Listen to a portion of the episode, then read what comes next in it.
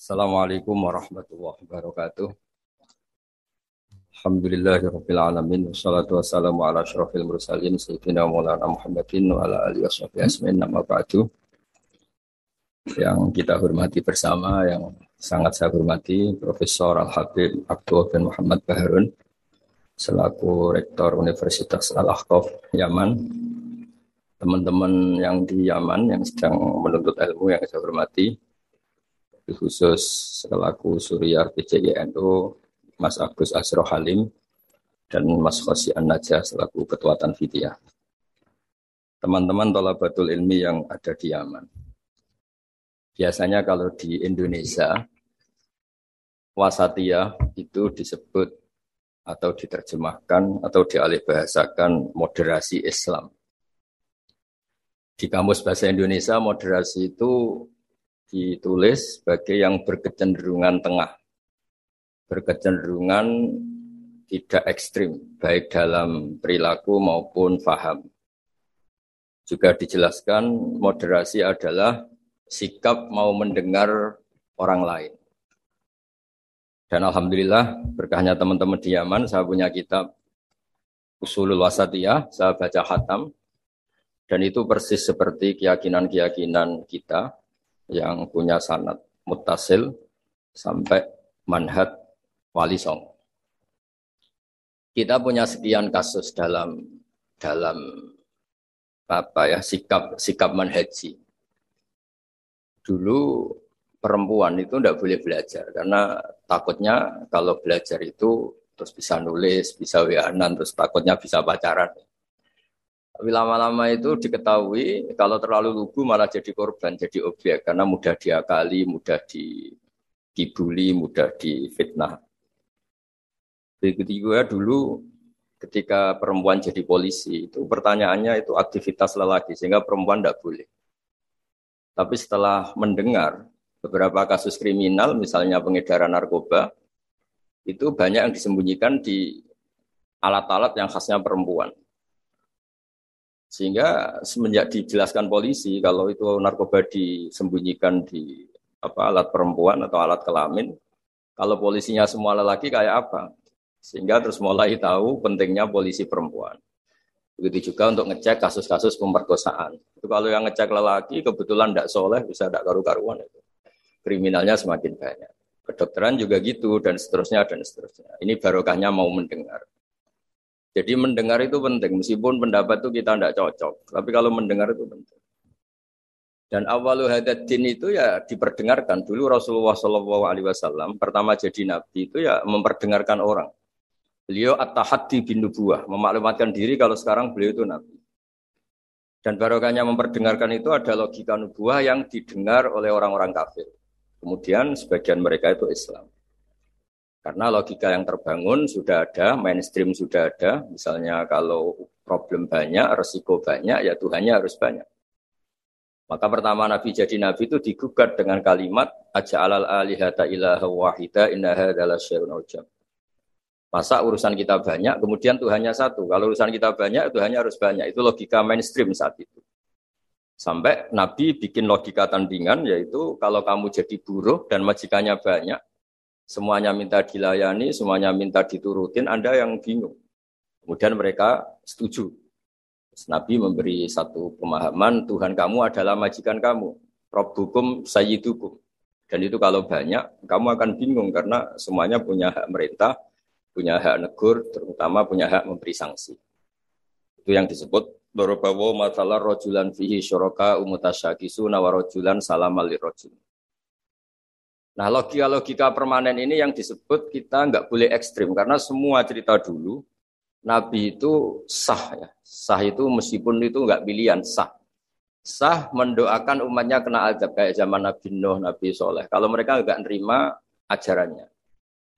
Tapi itu pun setelah mimba jima jahat humbul bayina. Atau sebagian ayat disebut hatta tak tiagumul bayina. Jadi sanksi itu setelah kita memberi penjelasan kebenaran itu terang wilo-wilo, sejelas-jelas mungkin. Logika yang nggak bisa ditolak. Itu baru sah kita mengkutuk, baru sah kita menyalahkan. Sehingga semua nabi itu punya kemampuan fatona, kecerdasan yang orang itu nggak bisa ngilang. Dulu misalnya di Fekeh, orang Medina itu abkhosun nas, orang yang paling buruk dalam timbangan, orang yang sering transaksi tidak cash, tidak nakdan. Misalnya beli mangga masih pentil itu sudah dibayari dengan asumsi jadi mangga tua. Itu sudah perilakunya ahli Madinah zaman itu begitu. Terus Nabi datang, Aro'aita in mana Allahu as-samra fabima stahilu ahadukum mala sohibi.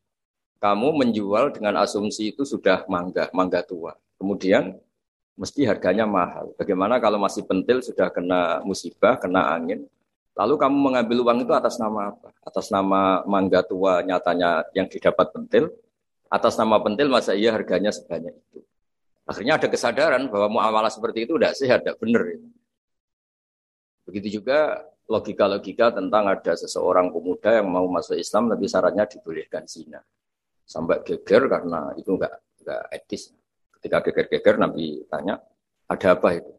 Ada syabun yadkhulu fil Islam tapi yasta'zinu fi zina. Dia tetap izin bisa zina. Kata Nabi, sudah nggak apa-apa suruh sini. Setelah ketemu Nabi, Nabi mau mengset ya, membuat logika yang luar biasa. Atau hibbuhu bintik. Kamu suka kalau punya putri kemudian jadi demenannya orang, jadi dizini-zinain orang. Ya enggak. Kamu suka kalau perilaku itu ada di ibu kamu. Hidung-hidung belang menjadikan ibu kamu objek seks ibu itu. Hidung belang itu ya tidak terima. Atau hibuhu li bintik, atau hibuhu li umik, atau hibuhu li kholatik, li amatik. Nabi itu ngulang berkali-kali. Sampai muda tadi menyimpulkan betapa buruknya zina. Bagaimana kalau korban itu anak saya, ibu saya, bulik saya, budi saya, dan seterusnya. Semenjak itu kata beliau, kata pemuda tadi sama masuk Islam tanpa persyaratan boleh zina, dan zina itu abahasya. Sesuatu yang sangat buruk. Nah ini yang harus dilatih terus oleh sikap-sikap yang yang nyun sewu bisa disebut ekstrim karena harusnya logika-logika Islam itu dipahami secara baik. Sehingga beberapa kali larangan-larangan mandiat juga Allah menyebut innahu kana fahsyata wa makta Jadi disebut lah, disebut itu buruk sekali. Misalnya pembunuhan, bagaimana kalau itu anak kamu, korbannya keluarga kamu. Sadis juga gitu, bayangkan kalau itu korbannya anak kamu. Sehingga dari baca ini kitabnya Sayyid Abdul Harun, saya alhamdulillah baca dan saya baca mungkin dua jam khatam karena memang pola itu pola mainstream. Jadi penting membaca kitab dengan mudah dan gamblang itu penting karena itu artinya ada mindset bersama, ada pikiran bersama yang kita terimanya itu sudah sayyul syarifin, nyaman. Jadi kalau saya baca kitab itu ukurannya gampang. Kalau saya baca kok nyaman gampang berarti ya sepikiran karena ya memang mindset yang sama. Dan ciri utama kebenaran itu harus dicatat sa'ilhal syarifin. Jadi kebenaran itu harus mudah dicerna. Caranya gimana ya? Tadi saya ulang lagi, kita harus mau mendengar. Jadi beberapa pemahaman yang keliru dulu misalnya tidak ada penyakit menular. Kemudian ada orang Arabi yang mencoba onta yang waras dijejerkan yang kudisen, yang Ternyata yang waras jadi kudisen. Sehingga mereka protes. Ya Rasulullah kata engkau lah adua walatiarota. Tidak ada penyakit menular. Ini unta sembuh, unta sehat. Kena unta gudikan ternyata ikut gudikan. Lalu sama Nabi dibenarkan. Paman adal awala. Lalu yang apa nulari yang pertama siapa? Itu asli ya Rasulullah dari Allah. Nah, ternyata pemahaman tadi dikira penyakit nggak boleh menular itu dicoba yang sakit dijajarkan yang sehat tapi Nabi membenarkan maksud saya awal penyakit itu dari siapa? Tentu dari kehendak Allah Subhanahu wa taala. Nah, di sini ya, akhirnya ada logika bersama bahwa untuk menghadapi sesuatu itu pentingnya mendengar. Kemudian yang terakhir dan saya mohon nanti diskusinya tentang kitab ini al-hulu wa takfir. Di mana-mana itu yang namanya nabi itu ya orang kafir dijadikan sebagai muslim. Orang baik juga gitu. Di mana-mana orang baik minyak yang fasik jadi soleh yang soleh bodoh menjadi soleh pinter, yang setengah pinter menjadi pinter banget. Syukur-syukur jadi wali. Nah logika-logika itu harus permanen. Di mana-mana ya inginnya kita itu ya yang nggak baik jadikan baik. Ini bukan kebalik, yang sudah baik dikafirkan, yang sudah anggota dikeluarkan. Itu aja secara organisasi masalah kan. Jadi takfir itu sebenarnya tidak usah dalil, nggak usah dalil sudah jelas masa yang sudah masuk dikeluarin. Oh yang di luar saja difasilitasi kulil lagi kafaru iyan tahu yufar lahum salah. Kalau kamu mau masuk Islam, fasilitasnya itu yufar lahum salah. Masalah-masalah kamu, dosa-dosa kamu akan dia. Jadi tahu-tahu orang yang min ahli la ilaha illallah karena kesalahan tertentu, entah pegang patok kuburan, entah apalah peringatan sesajen langsung dikafirkan. Ini kan jadi aneh. Padahal acaranya tahlilan. Menjadi aneh karena satu kalimat sing dakhala bihal kafiru al islam satu kalimat yang menjadikan orang kafir menjadi Islam kemudian dengan kalimat yang sama orang Islam hanya menjadi kafir hanya karena pegang patok kuburan atau karena acara-acara tahlilan yang dia kurafat ini kan jadi aneh dengan kalimat yang sama yang satu berstatus mengislamkan yang satu berstatus mengkafirkan nah sering mendengar gini insya Allah menjadi apa, menjadi luar biasa Masyur itu dicerita di Bukhari dan saya senang cerita itu ada orang syaribul khomri. Mulai dulu memang muhibbinnya dia itu macam-macam. Dia itu syaribul khomri, tapi kalau nggak di masjid nggak senang. Dia sukanya dekat-dekat masjid karena dia nggak mau jauh dari tempat orang soleh. Sehingga ketika dikhat oleh Nabi karena keseringan minum sampai wakana yulakobu himaron di Bukhari disebut orang itu panggilannya himar. Tapi ketika sahabat mulai melaknati dia, kata Nabi la anu fa innahu yuhibbu wa rasulah. Kamu jangan melaknati pemuda itu, bagaimanapun dia senang Allah dan Rasul. Itu di bab tobat, di beberapa bab di kitab Ihya, dijelaskan, sama sih ingat kalimatnya. Falam yukhrijhu bil maksiyah anil mahabbah. Nabi tidak mengeluarkan orang itu dengan salahnya dia syurbul khomri, tidak dikeluarkan dari status mahabbah. Falam yukhrijhu bil maksiyah anil mahabbah. Karena ya maksiat itu desainer hawa nafsu dan itu biasanya zallah. Zallah itu tidak status. Tapi kalau mahabbahnya seorang mukmin pada Rasulullah itu status. Dia tahu Rasulullah itu orang benar, maka dia ingin mahabbah. Ya, karena dia punya nafsu, terus ada zallah. Jadi harus dibedakan mana status, mana zallah. Kita orang Indonesia ya loyal sama Indonesia, kita KTP Indonesia, kartu anggota keluarga ya Indonesia. Tapi jangan juga kalau zallah langsung tidak menjadi warga Indonesia. Kalau ada sanksi ya sanksi aja, tapi jangan sanksi tidak berstatus Indonesia. Sama mukmin juga gitu, kalau salah ya salah saja. Tapi jangan terus berstatus tidak apa mukmin dan seterusnya, dan seterusnya. Nah, saya mohon logika-logika ini permanen. Kemudian kita punya hujah riwayah, punya hujah sanat yang ditulis Habib Abdul Bahri. Karena barokahnya hujah itu kita bisa menjelaskan kepada umat gampangnya berislam, gampangnya jadi orang baik. Kita berkali-kali cerita jadi orang baik itu gampang. Apalagi kita ini alhamdulillah senang makan, senang tidur, senang guyon. Senang. Ya kalau kita jadi orang baik itu kan gampang. Artinya gampang gimana? Ketika semalaman kita guyon, anggap saja itu tarkul masih ya barokahnya guyon sama teman-teman, bakas terong bakar, bakas makan-makan. Akhirnya malam itu udah dugem, udah maksiat. Barokahnya tidur semalaman ya barokahnya tarkul masih kuliah. Ya udah gitu. Ya kalau kamu jadi Islam ekstrim kan, santri kok tidur semalaman, kapan belajarnya?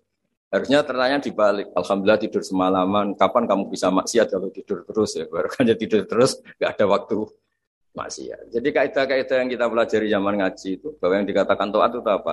Imtithalul awamir wa istinabun nawahi, ya sudah. Barukannya tidur itu istinabun nawahi, nawahi kuliah, bahkan karena karena tidur tadi. Nah barokahnya cara pandang yang mudah, sederhana. Ismamin mubakhin ila wa tahaqqaqu bihi tarku haramimma. Fa'il zamu minas sukun tarkul qatli wa minas sukun tarkul qadaf. Itu ada di kitab Lubul Usul. Orang itu kalau melakukan mubah, pasti saat melakukan mubah itu ada tarkul haram. Tarkul haram mimma, akan meninggalkan haram apa saja. Makanya perilaku kiai-kiai ya gejol-gejolkan, santri ya gejol-gejolkan. Itu bukan nilai gejol-gejolkannya, tapi istildat bil mubahat, nyaman dengan hal-hal yang dibolehkan Allah. Dan konsekuensi dari itu saat itu juga pasti takul mas. Nah berkahnya berpikir-berpikir seperti ini jadi enak. Nabi juga sering ketemu anak-anak tanya, ya Umar, mafalan Umar, kabar burung kamu gimana? Hal-hal seperti itu bercengkrama tapi menjadi suasana itu nyaman. Tapi ketika ditanya ayu Islam khairun ya Rasulullah itamu to'a. Islam itu mangan-mangan asik gitu ya.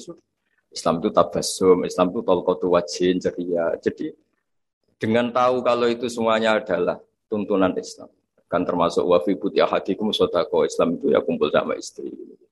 Ya sudah itu kan hal-hal keseharian yang dibutuhkan manusia dan oleh Islam dilegalkan, didukung dan saat yang bersamaan dijamin ada ridho Allah karena di situ ada tarkul maasi, ada tarkul mungkar. Halo. Ya, saya kira demikian mungkin antum alamu tentang naskah-naskah beliau. Saya hanya uh, tahu tia ya, hanya memberi dasar bahwa ini sudah benar naskah-naskah ini saya belajar khatam alhamdulillah. Dan saya tidak ada yang janggal sama sekali karena tadi ciri utama kebenaran itu labanan kholison sa'ikhol syarifin. Assalamualaikum warahmatullahi wabarakatuh. Waalaikumsalam warahmatullahi wabarakatuh. Syukron, kasiron. Jazakumullahu jaza kepada Abdul yang sudah menjelaskan secara jelas tentang uh,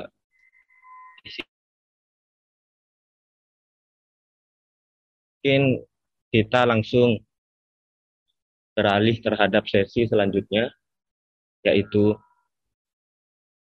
tanya jawab dari peserta webinar baik pertanyaan itu disampaikan via komentar di YouTube ataupun dari via chat via Zoom. Uh, ini ada beberapa pertanyaan yang masuk kepada link kami. Yang pertama itu dari saudara Upi Ikhtar tentang Syekh. Uh, beliau pengen bertanya tentang trik Rasulullah dalam menghadapi orang yang hulu dulu biar hati ini terus adem dan tidak jengkel terhadap orang tersebut. Di pertanyaan tentang masalah Rasulullah menyikapi orang yang terlalu ekstrim atau hulu, bagaimana menyikapinya?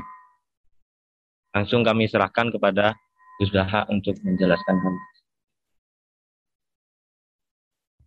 Bismillahirrahmanirrahim.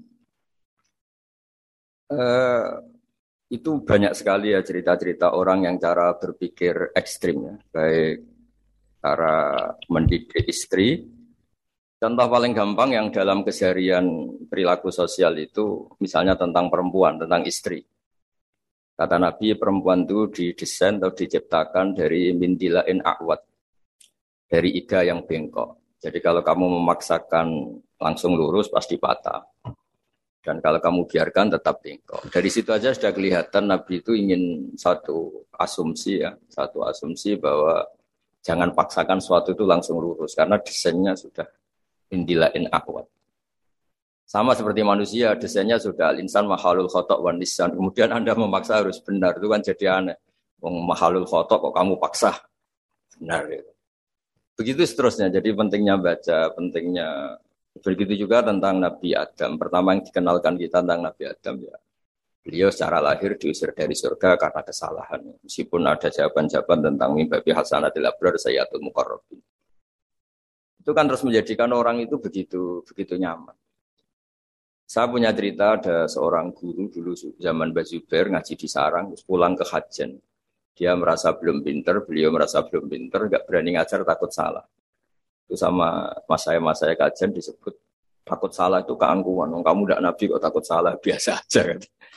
Jadi barokahnya pemakluman terhadap fitrah-fitrah keterbatasan kayak alinsan mahalul khotok wan Ada keterbatasan-keterbatasan manusiawi ini yang menjadikan kita dilatih untuk tidak ekstrim.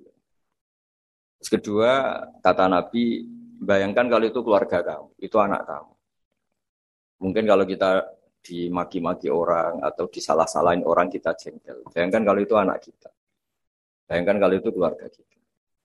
Masyur itu di versi kitab Hikam, Sarful Hikam itu. Di antara kenapa Nabi Ibrahim disuruh menyembelih anaknya. Ini versi Sarful Hikam.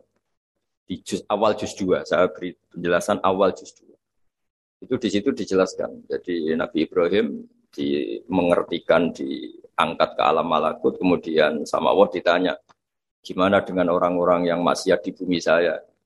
Kata Nabi Ibrahim, ya kira-kira ahlikum ya Allah karena innahum mereka makan rezeki engkau akalu rizkoka kemudian asauka mereka mendurhakai kamu engkau ya Allah asauka mendurhakai engkau sampai ada contoh maksiat yang macam-macam dan Allah langsung nurut ini suatu saat Allah minta supaya Nabi Ibrahim menyembelih anaknya Nabi Ibrahim menjawab innahu samratu fuadi itu buah hati saya bagaimana saya sembelih kata Allah kamu dulu apa anda ingat ketika di alam malakut usul begini-begini satu rutin. Dan sekarang saya usul kamu nyembelih anak kamu, kamu gak terima alasan kamu itu anak kamu. Itu yang kamu usulin saya bunuh, itu hamba saya yang bikin, yang menciptakan saya. Dan saya arham bi ibadi, saya itu sangat sayang. Enak saja kamu usul bunuh-bunuh gitu. Semenjak itu Nabi Ibrahim jadi Allah, jadi halim munib. Gitu. Ya sama seperti itu. Kalau kamu jadi keamanan pondok itu nasir orang seneng. Coba kalau yang nakal itu punya Mbak Yu cantik yang kamu bidik Mbak Yunya itu berat betul itu mau nasir itu karena kamu punya kepentingan. Makanya saya sering guyon kalau ada pembantu mecahkan piring kok dimarahin pasti tidak cantik. Karena marahin orang cantik itu susah. Karena ya artinya ya orang itu banyak kepentingan. Kalau ada orang nyulayani janji kok kamu marah karena orang itu tidak punya jasa. Coba kalau orang itu ngutangi kamu satu miliar, terus dia nyulayani janji. Oh kamu tidak bisa marah, nggak ditagih sudah seneng. Jadi sebetulnya kita marah itu bukan murni karena kesalahan orang. Kebetulan yang salah itu tidak orang yang berjasa sama kita, orang yang kita tidak punya harapan, dia orang nggak penting. Coba kalau yang salah itu perempuan cantik yang kamu seneng. Atau orang yang bisa melantarkan kamu ke tempat pekerjaan, yang bisa mengasih status kamu. Buat salah kayak apa, tanpa dia minta maaf sudah kamu maafkan. Nah seperti ini tuh melatih kita untuk tidak hulu, tidak tidak ekstrim. Karena ternyata ekstrim kita ini berdasar nyon sewu nafsu juga. Kamu bisa marah sama orang yang ngutangin kamu. Marah sama orang yang kira-kira itu adiknya kamu lamar.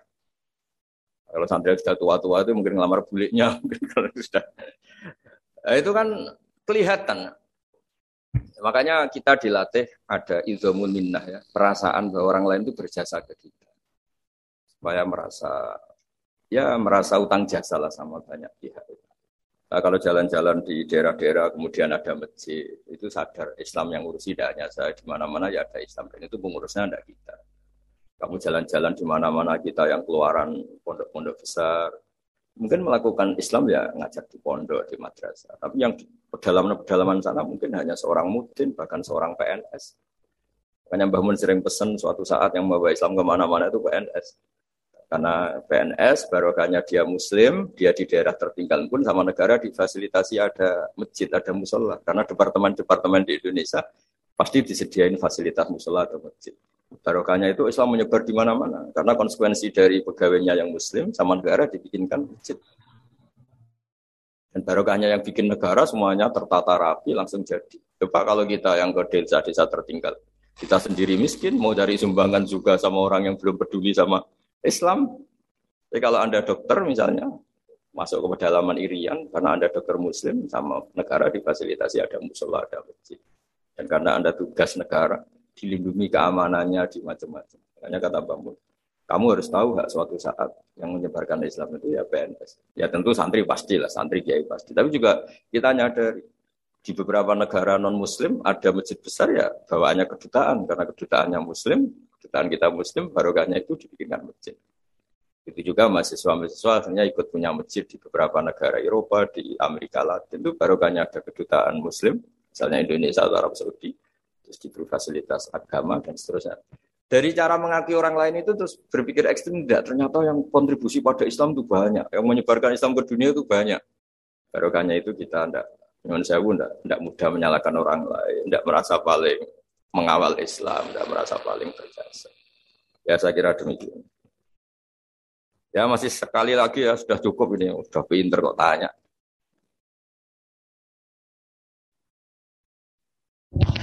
Nah, di sini ada pertanyaan terakhir ya dari via YouTube tentang bagaimana konsep wasati ya dalam membela negara bagaimana cara kita atau ajaran wasatiyah dalam hal-hal yang berhubungan uh, dengan membela negara. Enggak kepada uh,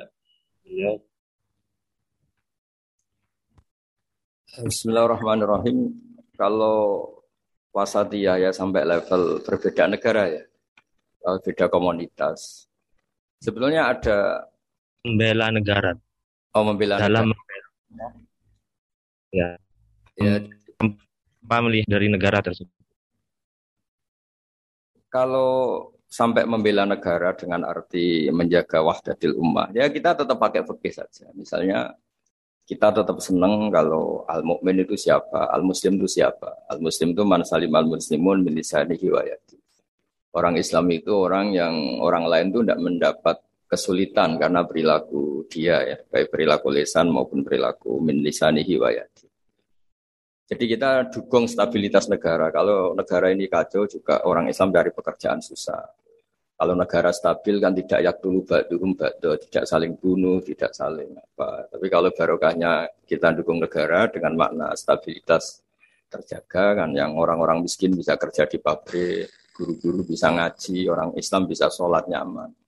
Jadi sebetulnya mencari dalil-dalil gitu itu mudah. Dalam keseharian kita pasti komitmen pertama orang di biat Allah atau akhdul misak itu ya latas fikuna dima'akum walatu tukhrijuna anfusakum min diarikum. Orang tidak ditumpahkan darahnya, tidak diusir atau tercerabut dari komunitasnya.